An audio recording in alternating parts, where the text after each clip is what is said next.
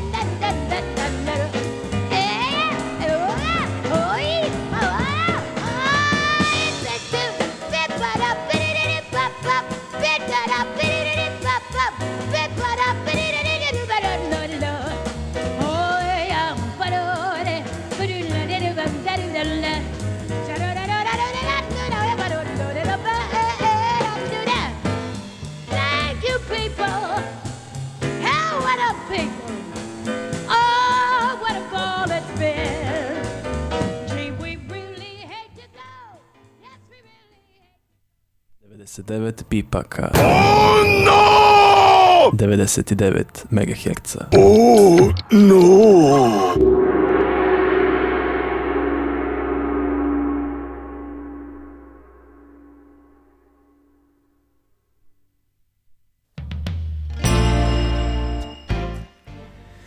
Moš moš, dragi slušalci, sa vama u studiju su Pipci Hobotnice, Mate Miljenici i Danilo Burzović. Danilo, koja će biti današnja tema emisije? Pričavamo o mangama Yoshiharu Tsuge, a, jako poznatog alternativnog mangake a, koji je dominantno radio 70. godinama, to je 60. godina, tako da će to biti naša tema danas.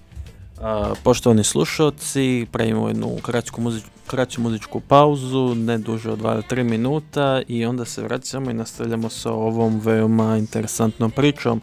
Stay tuned, slušate studentski radio Krš i emisiju Pipci Hobotnice.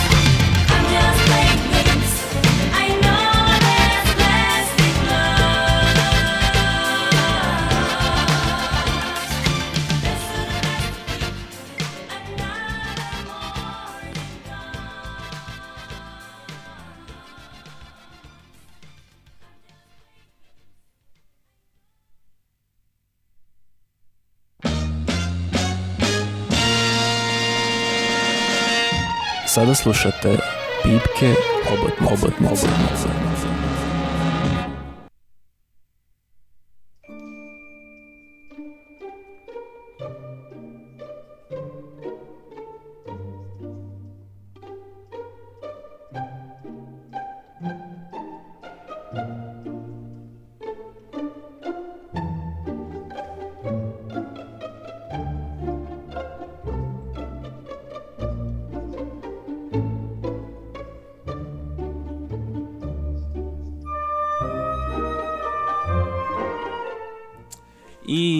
Smo opet sa vama, vi slušate Pipke Hobotnice na studentskom radiju Kršt. E, nagradno pitanje za ulazak na Private Stories na našem Instagram accountu iz kojeg anime filma je ova numera koja ide u pozadini koju možete čuti sada.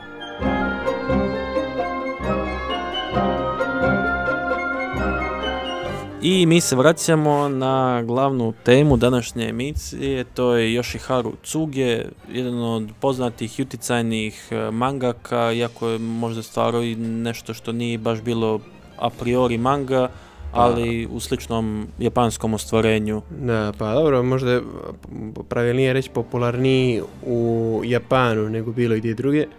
Dakle, ja i Matije smo imali uh, određenih, ne pretjerano velikih, ali određenih problema što se tiče pronalazaka nekih prevedenih dijela a, na engleski.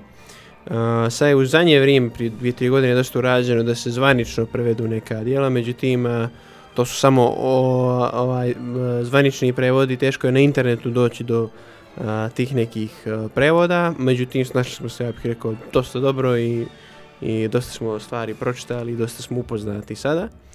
A, ono što je kad smo već tu, kad smo pričali o popularnosti, što me povuklo da e, sugestiram u emisiju da radimo e, o Yoshikaru Tsugeu, a, e, to bi bio no, novi anime, zove se Vlad Love.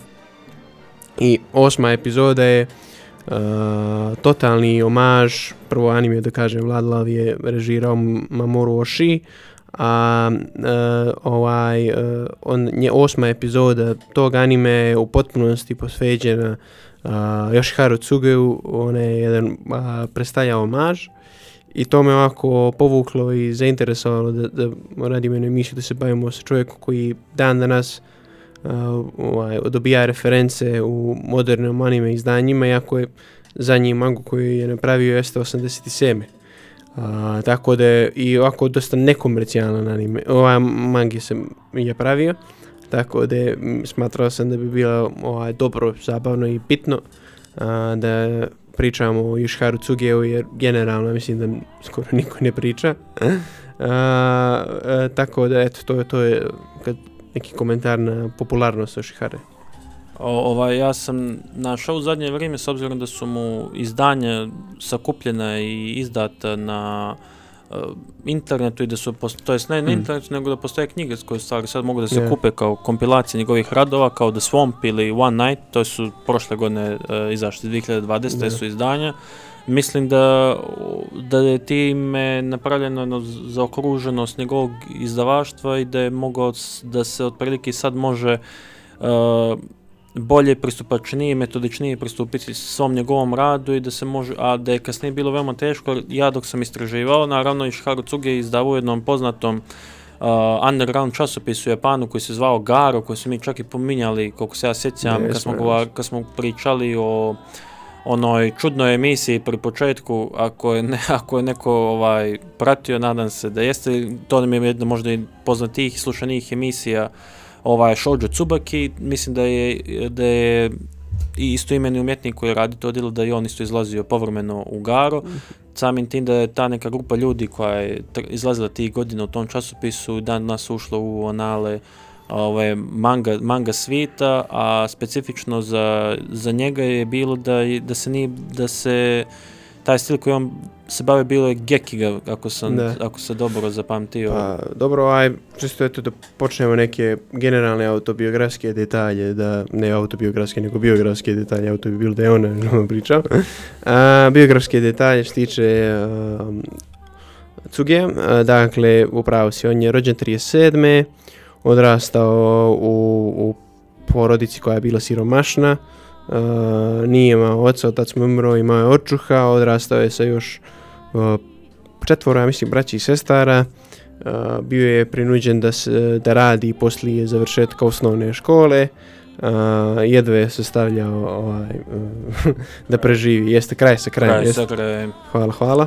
Uh, hvala na idiomu. Uh, on je uh, kasnije uh, ovaj, počeo da pravi mangu. Uh, A, međutim, to je jedna specifična forma mange koja je dosta drugačija od ovoga što danas znamo, jer a, u periodu 50. godina a, ljudi u Japanu nisu kupovali knjige, nego su ih iznajmljivali i on se bavio uh, pravljenjem mangije koja se iznemljuje i onda se pročita i vrati se. I uh, u suštini to su bile neke jednostavne gangsterske priče, m, u suštini neki noir koji je bio dosta nihilističan i tako dalje. Uh, Eh, ali to je onako neki eh, žanrovski njegov poruhvat koji pf, nije, nema neku pretjeranu umjetničku vrijednost i ovako, makar što mi možemo da znamo, jer ništa od toga nije provedeno na engleski, koliko sam mogao da vidim, a, makar ne ništa na internetu. A, a onda a, urednik Garoa, a, koji smo već pomenuli, jeste alternativni na magazin mange, a, ga je pozvao i načerao ga je bukvalno da pravi mangu za taj magazin, koja si, magazin izdavao mjesečno, je tako? I ono što je generalno, samo da kažem ono, trend, jeste što su u tom vremenu, u 60-ih je nastala neka revolucija u manga stilu, uh, pokrenut je taj takozvani uh, gekiga stil. Uh, ako neko upozna s stripovima, znači uh, najbolja će mu biti razlika koja se pravila u Americi među komiksa, dakle među stripova i među graphic novels, to jest grafičnih romana, kako su neki ljudi voljeli da nazivaju svoje stripove. Dakle, razlike je u činjenici što su Gekiga stil i manga stil. Gekiga su uh, sebe percipirali kao uh, uh, uh, manga format, kao nešto što je treba da bude prvenstveno namijenjeno da se bavi odraslim, po znacima navora izvoda, uh, temama, sa zrelim sadržajem koji uh, nije uopšte namijenjen za djecu manjeg uzrasta, koji je dosta ovako ima a, možda nasilja, možda nekih nadrealnih tema, mm, nije bitno, ali svakako a, realizam, naturalizam da budu često prisutni u stilu i tako dalje. Znači manje nekih stilizacija koje su o, stavštine Disneya, dosta više nekog a, naturalizma. I to je taj neki gekiga stil koji se tom vremenu razvijao i koji je bio uh, uglavnom uh, popularan među tim nekim uh, alternativnim krugovima i onda je normalno da će alternativni manga magazin koji u to vrijeme doživljavao veliku popularnost da prihvati te ljude koji su bavili tim nekim stilom. Uh, tu su, taj Garo magazin, kao se već napomenuo, je imao dosta popularnih uh, dosta uticajnih mangaka, Yoshiro Tatsumi je vjerojatno najpoznatiji, Yoshiro Tatsumi ima sad adaptirani anime, nije anime film, ali animirani film uh, Drifting Life, fantastičan film ako nekog zanima, koji je napravila uh, singapurska animatorska kompanija. Uh, I još možda Seiichi Hayashi mi pada na pamet, drugi ne bi mogao da identifikujem, ali Seiichi Hayashi također je jedan fantastičan manga, mangaka. Uh, I u njemu je pored njih dvojice još bio još Harcuge, pored njih dvojice još mnogi drugi bio još Harcuge koji je također jedan jako, jako uticajan uh, ovaj, uh, mangaka i u okviru tog Gara magazina uh, njegov stil je ovaj, doši, doživio nekako totalnu evoluciju istih nekih uh, gangsterskih, nekih noir krimi priča je postao uh, jedan totalno se bavio nekim unutrašnjim njegovim doživljajem svijeta. I to je uh, um, postalo dosta zanimljivo. Kasnije je on poslije Gara, poslije napustio Garu 70. godina uslijed um, depresije njegove i tako dalje, uspije razočaranja, uh, je nastala također jedna druga evolucija, uh, dosta zanimljiva, ali tome ćemo kasnije pričati, imaće vremena. Da, s obzirom na ovo što si spomenuo za Garu, mislim da su čak objavili u jednoj strani časopisa njemu da, da se javi u stvari kao za časopis da krene da krene da, pri, da, da piše, a mislim da i to je kroz ova priča u stvari jeste i poznatija onda kad se pročitaju neka njegova djela, mislim da se neki ovakvi slični detalji možda i ponavljaju kroz onaj The Man Without Talent, da se mogao otprilike i da naslutim da priča neku svoju ličnu priču i da ima nekih elemenata kao mašte, ali da je pokušao da prenese neku svoju životnu priču. Evo, možemo možda krenuti i od, Da. od te mange, Ja ne bih krenuo te mange. Ako ti ne bih krenuo te Ja ne bih krenuo dobro. te mange. Dobro, Dakle, pokušavamo hronološki redom kako ono bi bilo ako može. ajde, ajde. A, dakle, prvo bi se bavio, znači to je, e, ta manga meni da Talent je nastala u tom post-Garu periodu. Dakle, ono što znamo za Garu, tu mi je najzanimljivije, znači prva ozbiljna manga koju se tu bavio, ako si pročitao, je, zove se Swamp. Je. Da, dakle, Swamp je dosta zanimljiva, dakle, pričanju je, uh, u suštini počinje uh, čovjek upuca uh, gusku, žena vidi i pokušava inicijalno da pomogne gus, guski, uh, međutim onda je ovaj, zadavi dodatno, poziva toga čovjeka uh, da prespava kod nje i tu se javlja jedna uh, čudna, neka intimna, uh, lična tenzija koja je i ovako dosta neke seksualne prirode i neke isto a, ne znam, u- ubilačke možemo reći, dakle da se nasilje i neka seksualna tema prepliču i uh, ona tipificira kako će kasnije da budu njegove dalje mage. Uh, u suštini uvijek se bave nekim usamljenim čovjekom, uvijek je čovjek, ovaj, moću reći muškarac protagonista. Uh, on je, uh, priče su jako kratke, upečatljive i uh, nadrealne, često nadrealne i uh, otvorene su interpretaciji. Uh, Kafeksn, kafeskne. pa dobro, ovaj, ni, e, kafkaesne može se reći jedino ako se bave nekom pretjeranom birokratijom čovjeku koji je izgubljen, tako da, tako da ne bi upotrijebio u ovom kontekstu, ali ima, ima, ima i toga što se kaže. E, i, I dosta, dosta zanimljiva manga uh, ovaj, Marš. Uh, Uh, on je original, uh, ono što je zanimljivo jeste kao stil, dakle ako su uh, dizajni karaktera ovaj, uh, izgledaju pomalo pojednostavljeno, uh, nekim stilom koji uh, posjeća neke arhaične uh, manga crteže. uh, pozadina i, i kontekst i okolina su crtani u jednom naturalističkom stilu, što ja misli, mislio sam da je zanimljivo. A, za Garo godine uh, tu je još, bih rekao, a, jedan najpoznatije njegovo dijelo jeste vjerojatno ovaj Screw Style.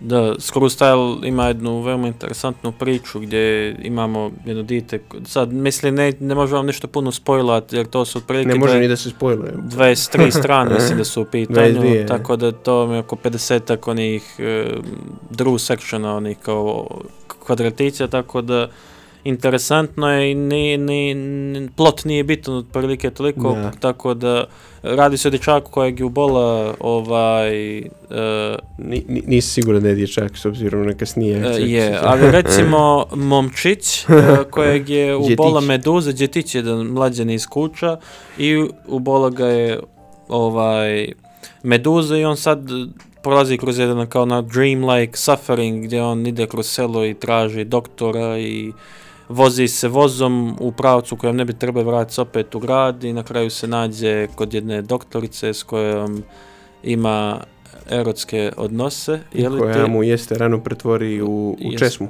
u česmu gdje mu ono stari screw stavi, to je on, ovaj za vrtanje maticu i zbog toga su, mislim, zbog i screw style i onda vidimo kako on u nekom hollywoodskom stilu odlazi s nekim skuterom, ovaj, jer se to nalazi na obali, tako da je jedan veoma veliki miks emocija, jer Da. a zbog toga što, kao što smo rekli, plot nije toliko bio bitan, pa imaju veoma veliki skokovi koji se dešavaju u animeu, gdje, na primjer, on ju vidi kao, hey, haha, we're gonna have sex now.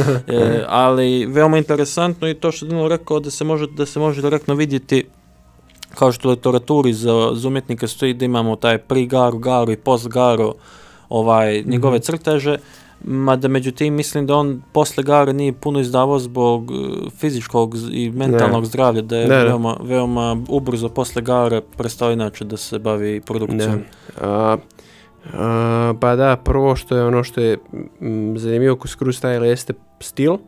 Bih rekao, dakle, počinje dosta, a, izgleda kao totalna distopija. Uh, prva scena jeste scena ovoga momčića, kako smo rekli, na plaži i gdje je nebo totalno crveno prekriveno. Uh, dosta izgleda ovaj, dramatično i, i apokaliptično. Uh, stil na kojem je necrtan momčić je ovako karikatura koja ide ka tome da izgleda namjerno ružna. Međutim, generalno dizajn karaktera se minja u odnosu na emotivno stanje, ajde kažem protagoniste ili mangake, ne, ne znam, teško je napraviti sad neku distinkciju. Dakle, eh, ide se od toga od nekih pojednostavljenih karikatura do uh, realističnijih crteža, do jednih totalno crteža gdje se koristila očigledno fotografija kao referent, posebno u jednom prvom dijelu mange je to ovaj, jasno. Uh, on je, uh, uh, dosta je, m, mogu reći, uh, čudna, jeste- ne blago rečeno čudna. Pa jeste čudno s obzirom da i likovi koji su stvari Mm. crtaju usput gdje je on prvi put koji ulazi u grad možemo da vidimo da imaju kao da se prikazuju više siluete nego da, Da. su se prikazivali cijeli likovi tako da ovaj i, ima onaj blagi neki žuti vibe koji nisam u- ukapirao da li zbog samog izdanja koje je te Mhm. godine izašlo ili zbog starine pa kao Da. da je ali sam uspio da vidim uh, i na, našao sam i na japanskom, našao sam i na engleskom, ovaj, ali ima nekako, našao sam baš uh, scan engleskog i tego nekad izašao tako da manga izgleda brutalno što se tiče ovako fizičkog dok, Da, je, da, dok je da. gledate. A što se tiče samog crtanja, mislim da on progresivno napreduje dok kako se razvija Da. plot koji da on napreduje da je, da je crtanje sve eksplicitnije, eksplicitnije, da se pojavljaju sve više više detalja. Tako da mislim da od početka, od toga nula gdje, gdje je prva ta uvodna scena u mangi do kraja da, da se lik razradi što se tiče teh cr, crtačkog dijela, da ima sve više više detalja, Mhm. ali da na kraju dolazi do nekog apsurda, on se vozi u, u brodiću. na Da, da. Tako da, Pa da, ovaj, mislim da je a, što tiče stila, da, rekao si da je to, da, da- da je dosta, a, rekao sam da je diversifikovan, uh, u smislu crtanja karaktera i tako dalje. Uh, Jeste često nisu ni prikazane ljudske lise, samo su neke kao nepoznate uh, zlokobne siluete, tako da kažem, da izgledaju. A, prikaz, rekao bih, okoline i tog nekog, jer je fokus je na nekoj okolini koja je, a, a, rekao sam, distopija, dakle, kao a, industrializacija koja je totalno dovela do uništenja sela, ranije se dešava u selu, inače rečeno, i izgleda sve... a, ribarsko selo, ono u, zaliv. A, jest, gdje c- kod Crnojevića. A, i, I sve izgleda dosta a, jako se fokus na tim a, tonovima mračnim i, i, i a, a, mračnim i crnima, je tako da kažem, u što tiče crtanja. Uh, on je, nema, rekli smo, nema neku narativ, nema neku priču, u suštini je uh, samo kretanje karaktera koje je totalno uh, neplanski, neplanirano, nema nekog jasnog linearnog toka, uh, dolazi često do nekih absurdnih situacija u kojima nema nekog uh, realnog rješenja i tako se nastaja priča, uh, karakter je u potpunosti izgubljen i dok mi čitamo također smo izgubljeni sa njim jer ne znamo konkretno što se dešava i to je u suštini odslikava neko uh, unutrašnje stanje samo kreatora ove priče i služi da, da, da opiše ono što je uh, njegovom bila prijumu i kako kakvu je alegoriju on htio da iskaže u tom smislu. A, da li si možda primijetio da u veoma velikoj većini njegovih djela, ako ne i svim što sam ja bar mogao da pročitam, naravno opet ćemo napomenuti da zbog starosti ovih mangi i načina koji su izlazili u alternativnom magazinu u Japanu i zbog limitiranosti s jezikom nismo uspjeli sve da pročitamo, Mhm. što je isto komplikovan, ali u veoma velikoj većini se našao problematika a, kritike kapitalizma, uticaje zapadne kulture na japansku kulturu i veoma u velikom broju se pojavljuje nedostatak novca ili ti veoma da. teška materijalna situacija. Ovaj, To, kaži, kaži, E, izvini. to to su stvari bile te neke stvari kao onaj Obas ele Electroplate Factory, Da, ako se da, sjećaš, da, i, da. na primjer i u, u, u toj seriji, ovaj, da, i da mu se često, na primjer, dijela završavaju totalno Nerazjašnjeno. nerazjašnjeno ili samo, na primjer, ima kao random kraj, e, Da. kao ide radnja, ide, Pa- ide, ide i kao kraj. Pa u suštini, dobro, to je sad ovaj, da zaokružimo sa ovim diskusijom u Screw Stylu. Jeste, ovaj, već smo pomenuli da je on rastao u siromaštvu u Japanu u 50-ih, a, da se borio za opstanak, za život i da je to dosta uticalo na njegovo shvatanje svijeta i tako dalje. On kad je ušao u Garo magazinu, kad je počeo da se bavi, on je dostegao neku finansijsku stabilnost, ali je u okviru te finansijske stabilnosti osjećao jednu nelagodu. Nelagodu jer je osjećao da pripada jednom miljeu a, čiji on nije originalni pripadnik, tako da kažem da je on došao iz radničke porodice u neki umjetnički milje i on se tu nije osjećao komfortno, a, i ta neka njegova nelagoda sa samim sobom i a, se preslikava u mangi, uključujući screw style dakle očekuju totalno izgubljen u nekakvom industrijalnom konzumerističkom svijetu. A, on nekoliko godina je nije osjećao da potrebu da crta mangu, a, jer je smatrao da je to postala komercijalna umjetnost, da to više nema veze sa nekim, a, ne znam, shvatanjem, e, sa, sa mangom kao umjetničkom formom. Da. Jeste, tako da je, a, to se preslikava i u okviru uh, Eh, screw style dakle uh, čitava generacija ljudi koja je odrasla poslije Japana, eh, jednostavno u 70. godina i 60. godina dok je on doživljavao ekonomski boom, nije mogla sebe da vidi u tom svijetu, nije mogla da shvati gdje se nalazi i u suštini uh, u potpunosti ta neka izgubljenost u prostoru i u vremenu uh, je tema glavna uh, uh, uh, screw style i ne samo izgubljenost u prostoru i vremenu, nego uh, uh, umiranje duše same neke kulture, neke nacije i kako u suštinski ono što na kraju kako se desi kako ta neka rana koja je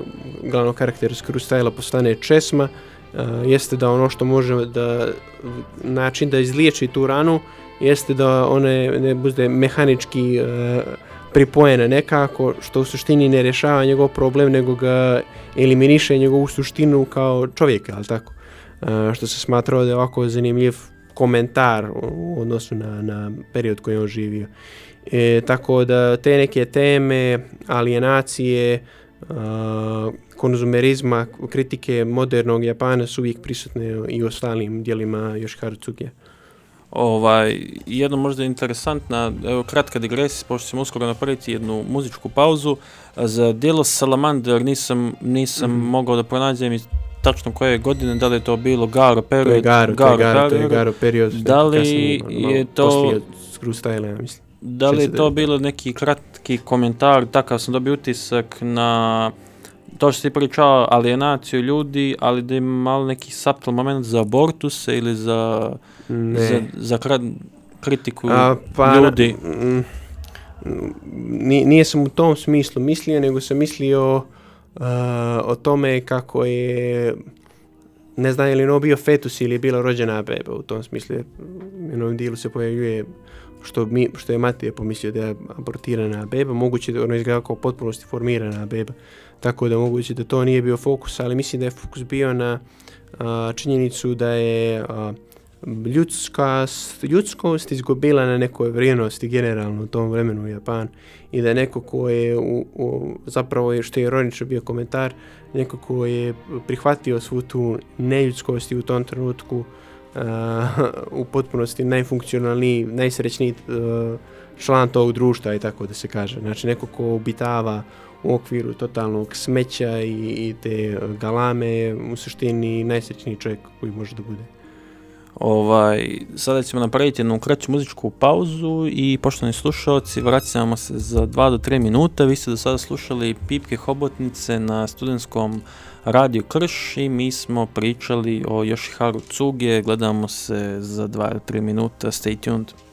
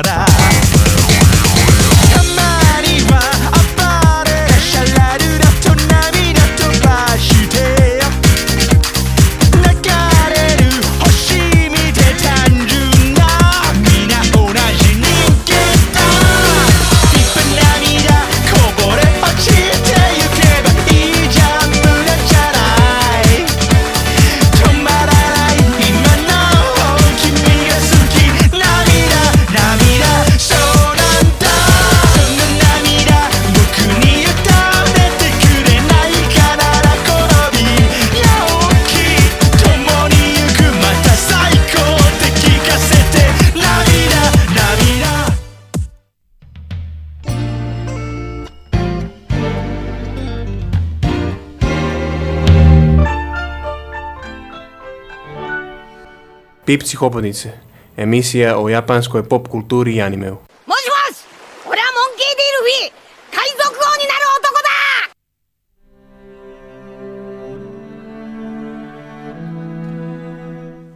I moš moš nismo baš ovaj carevi pirata i kraljevi pirata, ali vi slušate pipke hobotnice. Ovaj trenutno govorimo o Yoshiharu Tsuge na studentskom radiju Krš. Uh, ovaj, mislim da smo možda i spremni da pređemo na ovo najkapitalnije što smo mogli da nađemo, mm -hmm. barem zahvalni smo internetu što smo mogli mm -hmm. da mhm. nađemo ovaj, veoma veliki dio man with, with no talent, mislim da se tako prevodi. Da. Ovaj, ja sam uspio da nađem nekih 7 ili 8 ostvarenja iz te kompilacije, mislim da je to jedna kompilacija od nekih 200 strana koliko sam mogao da, da vidim. Da, to, to, to nije suštinski kompilacija, dakle on je on se u nekom magazinu za pres, kako se sad zove, objavio oko uh, šest poglavlja, ja mislim, uh, ove mange koji suštini čine jedan tom koji treba da se pročita. Uh, I to je to, to, to su priče koje se tiču jednog čovjeka koji je uh, napustio crtanje uh, mange uh, kako bi se uh, bavio uh, uh, prodajom prvo uh, Eh, kamera, pa drugo antikviteta, pa onda počeo da prodaje eh, kamenje koje nađe u rijeci, uh, jer jako mu to ne ide, jel te poslovno baš najbolje, koji nije usp- ne uspiva da prehrani svoju porodicu najuspješnije, kojeg žena više ne može da pogleda u oči i koji je generalno se smatra jednim totalno bezvrijednim uh, članom modernog društva. Uh, u suštini, Eh, kao što smo prethodno napomenuli, u potpunosti eh, oslikava eh, stanje uma još Haracuge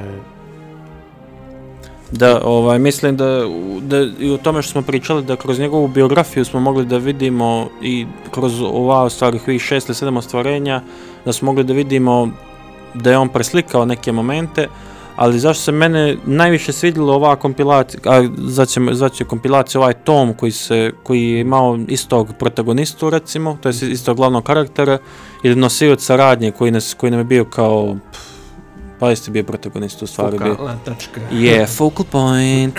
Uh, zbog toga što iako nije karakteristična manga kao što biste mogli sad da vidite sa, sa stilom crtanja, uh, teme koje on obrađuje, e, socijalni kontekst i situaciju koje se on u kojima se on lazi i dalje imaju onaj humor koji, koji, na koji, koji se mene veoma i dalje dan vidio koji se može samo naći u mangamu, da je to one neke dobre fore na način na koji oni prikazuju određene stvari ili te, na primjer, neke klišeje kako je, na primjer, neko ono čip, kako je škrtica, kako ima, kako žene provali muža za neke stvari, ali da opet, e, da opet ima ta pozadinska priča koja mi nije nekako išla, uh, koja mi nije nekako išla jedno s drugom, jer sam znao da je pan 60-ih 70 doživljava ekonomski boom, a priča se o veoma, o veoma velikoj o veoma velikoj nestašici novca, što može biti samo neka satira ili ironija na Dobro, trenutnu ovaj, situaciju. Nije on, o,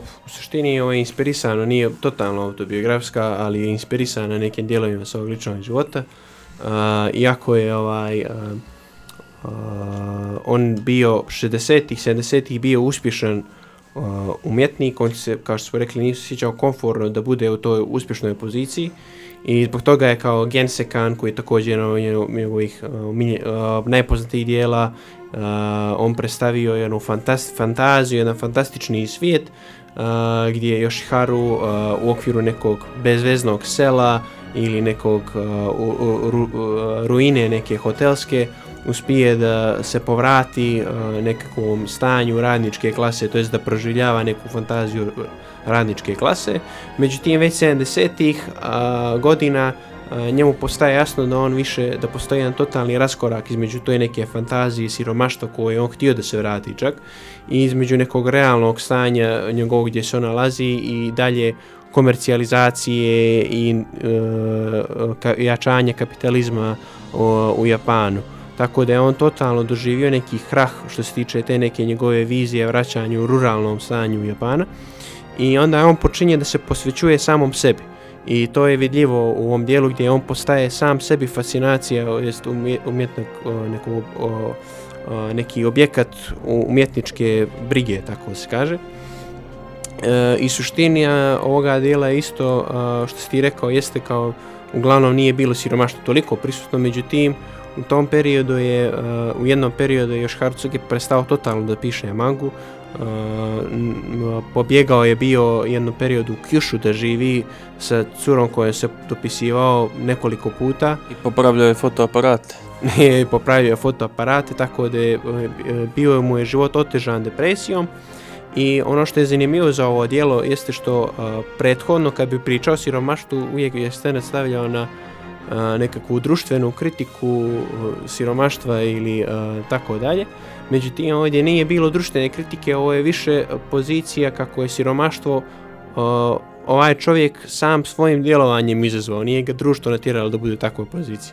Uh, on ne pokušava da diagnostifikuje što je neko naveo, sad citiram nekoga što je naveo ovo je uh, kako djelo, u suštini ovaj mangaka ne pokušava da diagnostifikuje uh, samog sebe, nego je više o nekoj kontemplaciji eh, razmišlja, više promišlja o nekom svom životu i uh, pokušava da shvati što mu se dešava. A, I ne dolazi do nekih tvrdih zaključaka. Tako da je uh, dosta uh, zanimljivo uh, štivo u, tom pogledu.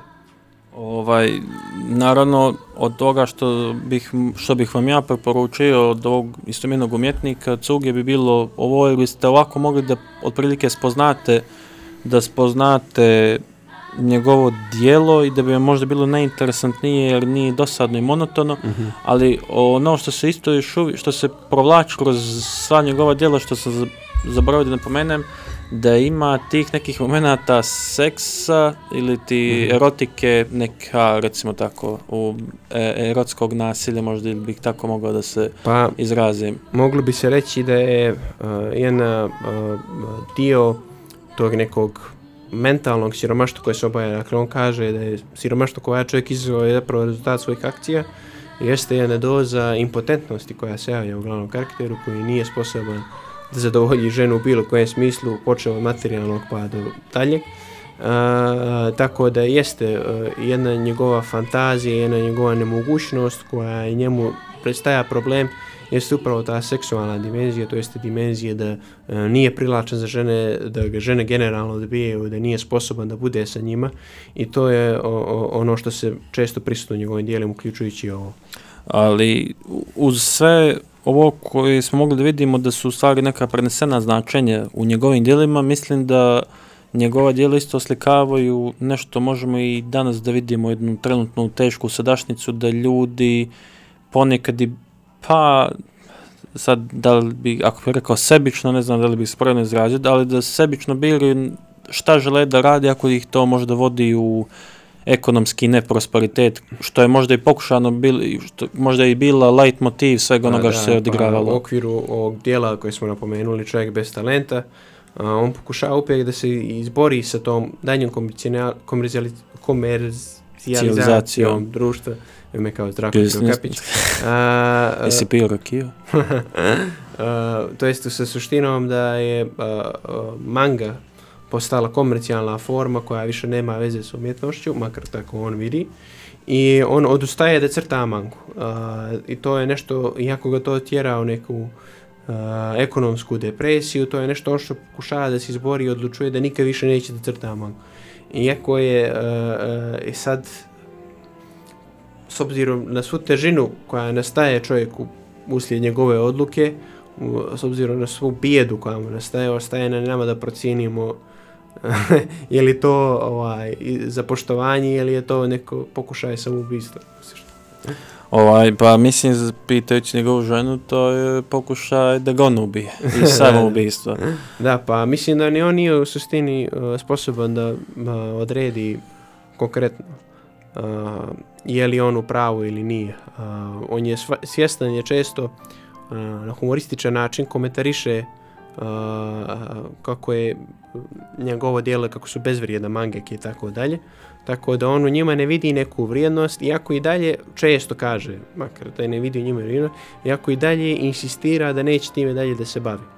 A, to je ono što je, ne znam, zanimljiva je na dimenziji čovjeka koji je u totalnom konfliktu s samim sobom koji ne može da razriješi to neko osnovno a, pitanje svog života. A, možda zaključno za, ovaj, za ovu drugu etapu u, u emisiji, pošto ćemo uskoro preći sad na muzičku pauzu i na, ovaj ove, na trenutna dešavanje, da li misliš da ovakav stil crtanja mangije u stvari otvara vrata za nižu produkciju, niže produkcijske troškove, ali da, na primjer, ovo će veoma teško biti adaptirano u anime, ali da, na primjer, za umjetnike koji bi umjeli na ovaj način da iznose da bi bilo veoma povoljnije recimo crtati, A, ne bih rekao, nije ovo ni malo jednostavno i pored toga što je a, malo obskurnije crtano recimo, Aj kažemo da su malo karikaturnije, aj tako da se izrazim. kao tin, tin, face mene je to odmah posjećalo. Stilistički govoreći, što se tiče nekih, na primjer, a, režiserskih odluka i tako da se kaže, ne može se reći režiserska odluka u mangi, ali to činjenica, na primjer, da se ne prikaže lice žene u, u, u prvom poglavlju, a, a, stilizacija, a, sijenke čovjeka koji je sakriven u ćošku kuće, A, Eh, sve ima raznoraznih scena, pored, ajde kažemo, jednostavnijeg stila crtanja, koje izazivaju određenu dozu eh, pažnje, koje eh, jasno govore da umjetnička vrino crtanja je velika, ovog samo mangeke, tako da ono, iako je generalno manga je jeftina, ali ovaj stil ne bih rekao da je uopšte lak ili prenosiv za druge dijela. Znači ima ima stvarno nekih fantastičnih trenutaka u mangi, a da ne govorim da je dosta uh, realistično prikaz pozadine i tako dalje koji smo već pomenuli, koji je dosta teško isto uh, skinuti, tako se kaže. Ovaj, naravno, nismo pokušali ime nikoga da obeshrabrimo, ali samo da napomenemo, naravno, i za fanove koji gledaju možda malo više fast food, anime ili čitaju takve mange, da je ovakav stil crtanja i dalje zahtijeva veoma veliki talent, samo ne za samo osmisliti scenariju i priču, već, Da. već i za tu režisersku, slobodno možemo reći kažemo, tako, te egzekuciju. panele i tako dalje, kako postaviti čovjeka u okviru a, generalno drugih ljudi, kako oslikavati, pozicionirati, sve to je dosta zahtjevno. Tako da, kratka preporuka za sve ljudi koji žele da upišu akademiju za režiju, da bi manga bila odlično sredstvo za spremanje prijevnog ispita, s obzirom da u 7 ili 8 jel, tih storyboardova morate pisati film, a da možda baš ovaj umjetnik to radi na način na koji biste vi radili ovaj, slušamo Pipke Hobotnice, idemo na kraću muzičku pauzu, 2 ili 3 minuta i vraćamo se u finale današnje emisije. Stay tuned! U samoj orokobi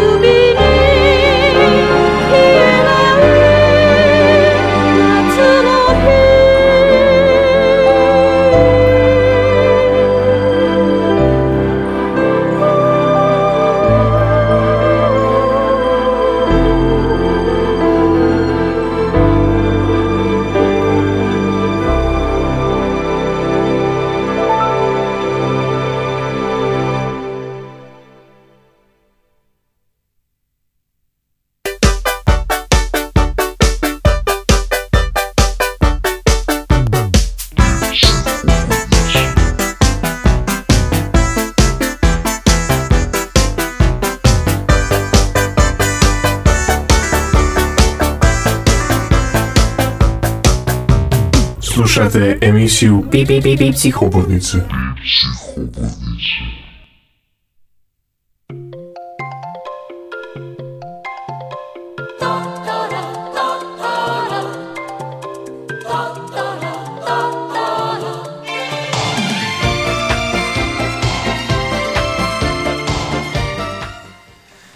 Poštovani slušalci, vi slušate emisiju Pipci Hobotnice na 99 MHz studentskom radiju Krš. Do sada smo govorili o Yoshiharu Tsuge, poznatom manga umjetniku iz Japana, ovaj, koji je stvarao za vrijeme 60-ih, 70-ih godina, o, izdavao je u poznatom časopisu Garo. Ovaj, Danilo, da li ti možda imaš neke finalne remarke da zaključimo ovaj dio i da pređemo na neka trenutna dešavanja?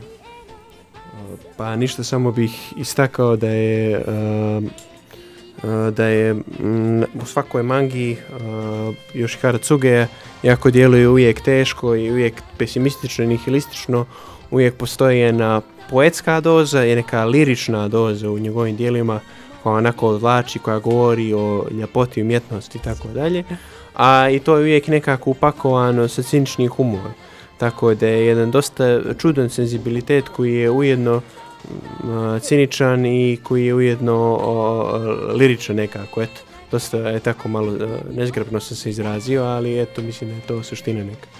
A, tako da o, preporučio bih, jako možda djeluje ovako teško, možda nešto kompleksno, da zapravo može, ja mislim, svako da pročita posebno ovaj čovjek bez talenta, Man Without Talent, da može svakom tome da se posveti, da nije neki problem. A, to bi bila neka ta neka, što se tiče ovoga dila, sad ne znam ako ćemo da, ako ćemo neka moderna izdanja da počnemo da pričamo o tome. Izvinjavam se zbog malih tehničkih smetnji. Ovaj, složio bih se s tobom Danilo i mislim da u jednom od onih dijela koje je bilo u sklopu a, Man with No Talent da se on čak bavio i onim haikyuima što je meni isto bilo fascinantno uvođenje baš one klasične japanske tradicije u, u, u mangu, ali da i, i opet malo tih nekih ciničnih nota. Na, i, čovjek koji umre, što je napisao enigmatičnu uh, pjesmu, uh, ali u isto vremeno je umro ugružen fekalijama. Fekalija, Tako, tako. I onda je ujedno ima jedan element, element misticizma, nekog neke ljepote, a isto je čovjek jeli, uz- gaće pune fekalije. Je. tako da ni, to nije bio dis, nego Baudelaire ili tako je malo se nekom pastu stvaranja. Može se reći. Ovaj, e, Danilo, da pređemo na ono najbitnije, šanis nije najbitnije, ali šta trenutno čitaš, gledaš, da li... Ono što trenutno čitamo od mangije, što bi svima preporučio, jeste Soson of Frieren, uh, trenutno nagrađena manga dobila prestižnu nagradu Taisho u Japanu, uh, rekao bih fantastična manga, nije se očekivao da će takva da bude, A, s obzirom kako je omot a, mange izgledao, mislio sam, očekivao sam nešto ovako dosta gore, a, ali ne znam, ovo je kao gospodari prstenova nastavak neki, ali u mirnom, ali dosta depresivnom i tužnom svijetu.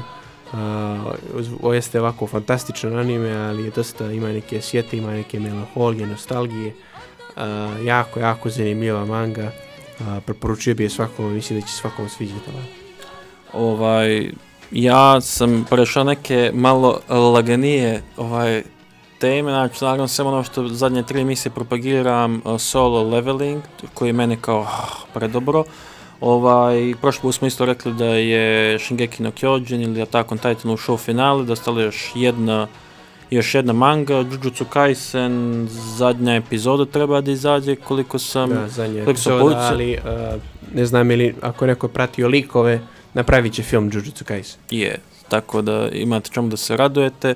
A ja trenutno čitam Rent a Girlfriend, koji sam mislio da će da bude ono kao uh, preloš.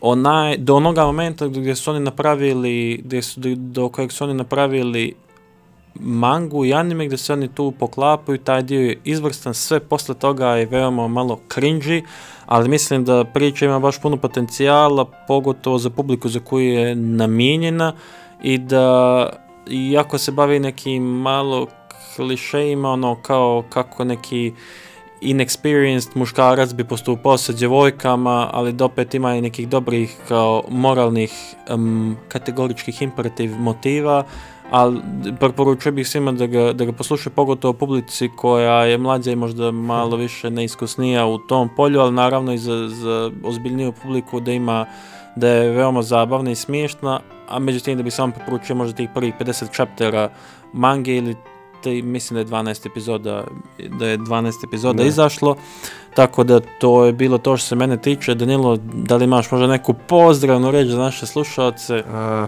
nemam ništa posebno, neka žive zdravo, neka a, nose maske svuda, nek se ne okupljaju u unutrašnjim prostorima, ako se okupljuju neka koriste ventilaciju i da ako i treba neki savjet što se tiče korone, nek se obrate našoj stranici Pipci Hobotnici, tu smo da pomognemo. A, tu smo sve da odradimo. Neka ništa ne šalju za anime i mangu, to nas ne zanima, dakle, samo ekskluzivno za koronu, o tome pričamo. Hvala. Je, hvala puno, tu smo naravno za vas, ne samo da slušate o animeu, već za vaše mentalno zdravlje, naravno poslušajmo sve dinelu, nosimo maske i poštujemo mere i svi se nadamo skorijoj vakcinaciji. Da, i za vakcine također, tu smo odgovorni, molim vas sve pošaljite nam. To su bili Pipci Hobotnice, gledamo se i slušamo za naredne dvije nedelje i uskoro će izaći još jedan intervju, nadamo se da ćemo se obradovati sutra. To je bilo to, stay tuned na kršnim radio talasima.